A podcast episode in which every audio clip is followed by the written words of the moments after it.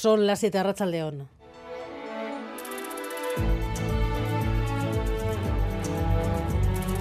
Gambara con Arancha García. Crisis de gobierno en Francia. La crisis por la ley de inmigración se ha llevado por delante a la primera ministra. El nombre del sucesor de Elizabeth Borne se espera en las próximas horas. París, Iñaki Esnal, la Racha León. A Rachaldeón, tras días de rumores, se confirma que Macron quita del cargo de primera ministra a Elizabeth Borne. Siguiendo el protocolo, Borne ha presentado su dimisión, tal como confirma el Eliseo en una nota. Macron ha subido una foto de ambos a las redes sociales donde le agradece el trabajo realizado. Ahora la pregunta es, ¿quién será el nuevo primer ministro de Francia? Al parecer el candidato mejor posicionado es Gabriel Attal, actual ministro de Educación, una figura popular en Francia y muy cercano a Macron. Algunos lo califican de delfín. Todavía se desconoce cuándo informará Macron sobre el nuevo primer ministro. Elizabeth Borne abandonará Matiñón tras 20 meses de un mandato controvertido. La segunda mujer que ha ocupado el puesto ha utilizado en 23 ocasiones el famoso artículo 49.3 que ha permitido al gobierno aprobar leyes como la de las pensiones sin votación en la Asamblea Nacional. Tras la negociación y el acuerdo in extremis de la ley de inmigración, su imagen había quedado todavía más tocada. Además, en esta gambara vamos a analizar la nueva propuesta del Ministerio de Sanidad, implantar las bajas autojustificadas, sin necesidad de aval del médico, bajas de tres días para no saturar la atención primaria en momentos de mucha afluencia. Ya funcionan en otros países de Europa. La otra propuesta de la ministra, la de volver a obligar a llevar mascarilla en hospitales y ambulatorios, esa no ha prosperado. La mayoría de las autonomías la han rechazado en la reunión de hoy. Solo recomendarán su uso como hasta ahora. Y en Galicia, un mes de las elecciones, un desastre medioambiental se cuela en la campaña. Miles de bolitas de plástico han llegado a las playas, centenares de voluntarios están tratando de limpiar la costa sin ayuda y el PSOE habla ya del nuevo prestige del PP y Manuel Manterola.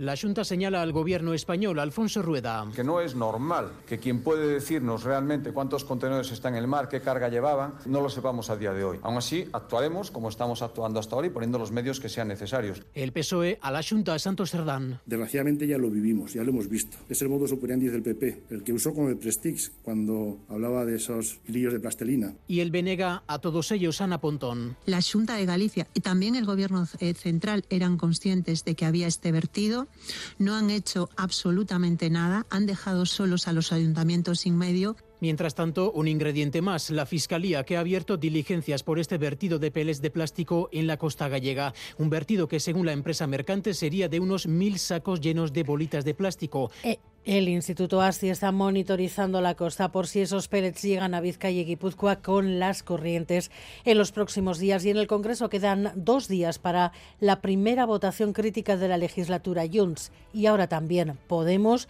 mantienen el pulso al PSOE, amenazan con votar no a los macrodecretos con medidas anticrisis.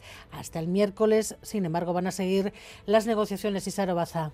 Sí, el tiempo se acaba y el Gobierno sigue sin tener los apoyos necesarios para aprobar los decretos. Apuesta por seguir dialogando hasta el último minuto. El reto es atraer votos y una de las vías podría estar en tramitar los decretos como proyectos de ley, permitir a los grupos que introduzcan modificaciones, porque ahora mismo y a menos de 48 horas del Pleno son varios los frentes abiertos. Junts mantiene su no, Podemos amaga con no apoyar los textos y el PP ofrece abstenerse si el Gobierno acepta sus exigencias. Y en el aeropuerto del Hoyo, otro día de huelga del personal de tierra de Iberia, más vuelos cancelados esta tarde y centenares de maletas paradas. Nos han tenido en la cola un montón de rato. Ya estábamos unos cuantos montados en el autobús para ir al avión, de hecho, ya estábamos entrando y lo han cancelado. La gente mirando las aplicaciones y así nos hemos ido informando unos a otros. Yo, yo leí en la pantalla del aeropuerto cancelado. Que más o menos cada uno buscarse un poco la vida. En cuanto al tráfico, un solo incidente a estas horas en Hernani, en la AP8, sentido Irún, un carril cortado por la colisión de un turismo y un camión que ocasiona retenciones, retenciones que según la Archancha alcanzan los cuatro kilómetros.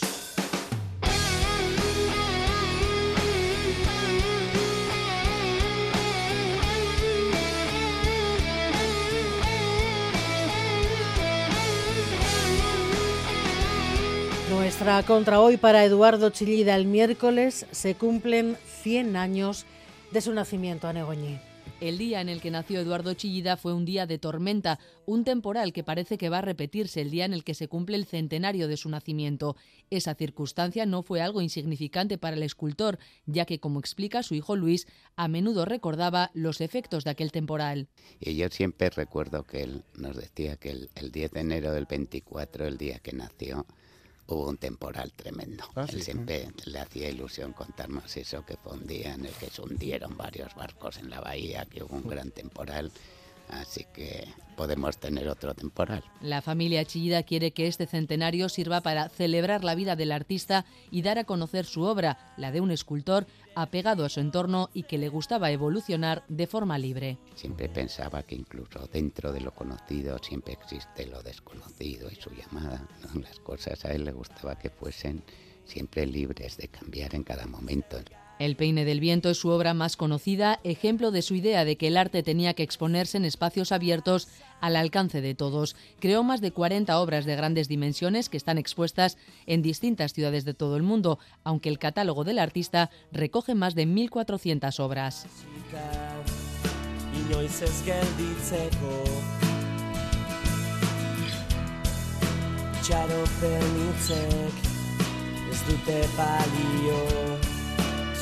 Y prácticamente hasta hace unos segundos hemos estado pendientes del sorteo de los emparejamientos de Copa.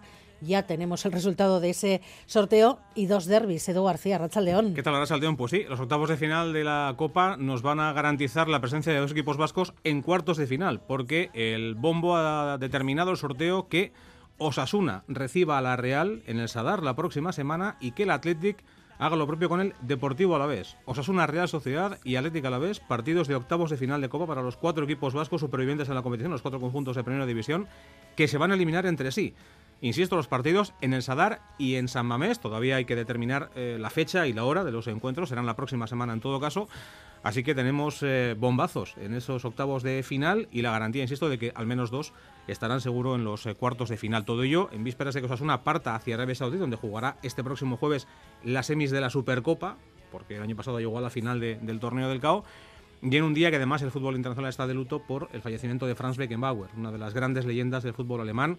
Fue campeón del mundo como jugador y campeón del mundo como entrenador, además de muchísimas veces campeón también de liga con el Bayern de Múnich, una de las grandes leyendas del fútbol mundial que a los 78 años ha fallecido después de una larga enfermedad. Bueno, pues el adiós a Beckenbauer y esa noticia, la buena noticia la leeremos así por lo menos, Edu. Habrá un equipo vasco en cuartos de final. de Habrá dos seguro, habrá dos porque hay dos, dos derbis, con lo cual dos pasan a cuartos, dos se van a quedar en la cuneta, pero ya tiene guasa que de los, eh, las posibles combinaciones vayamos a tener dos derbis, espectáculo garantizado la próxima semana en la Copa. Bueno, pues a disfrutarlo. Habrá que disfrutarlo, por tanto, la semana pasada, la semana que viene, Osasuna Real y Athletic Alavés. Ese ha sido el emparejamiento de los octavos de final de, de la Copa. Alberto Sobeldia y Miguel Ortiz están en la dirección técnica, Cristina Vázquez en la producción.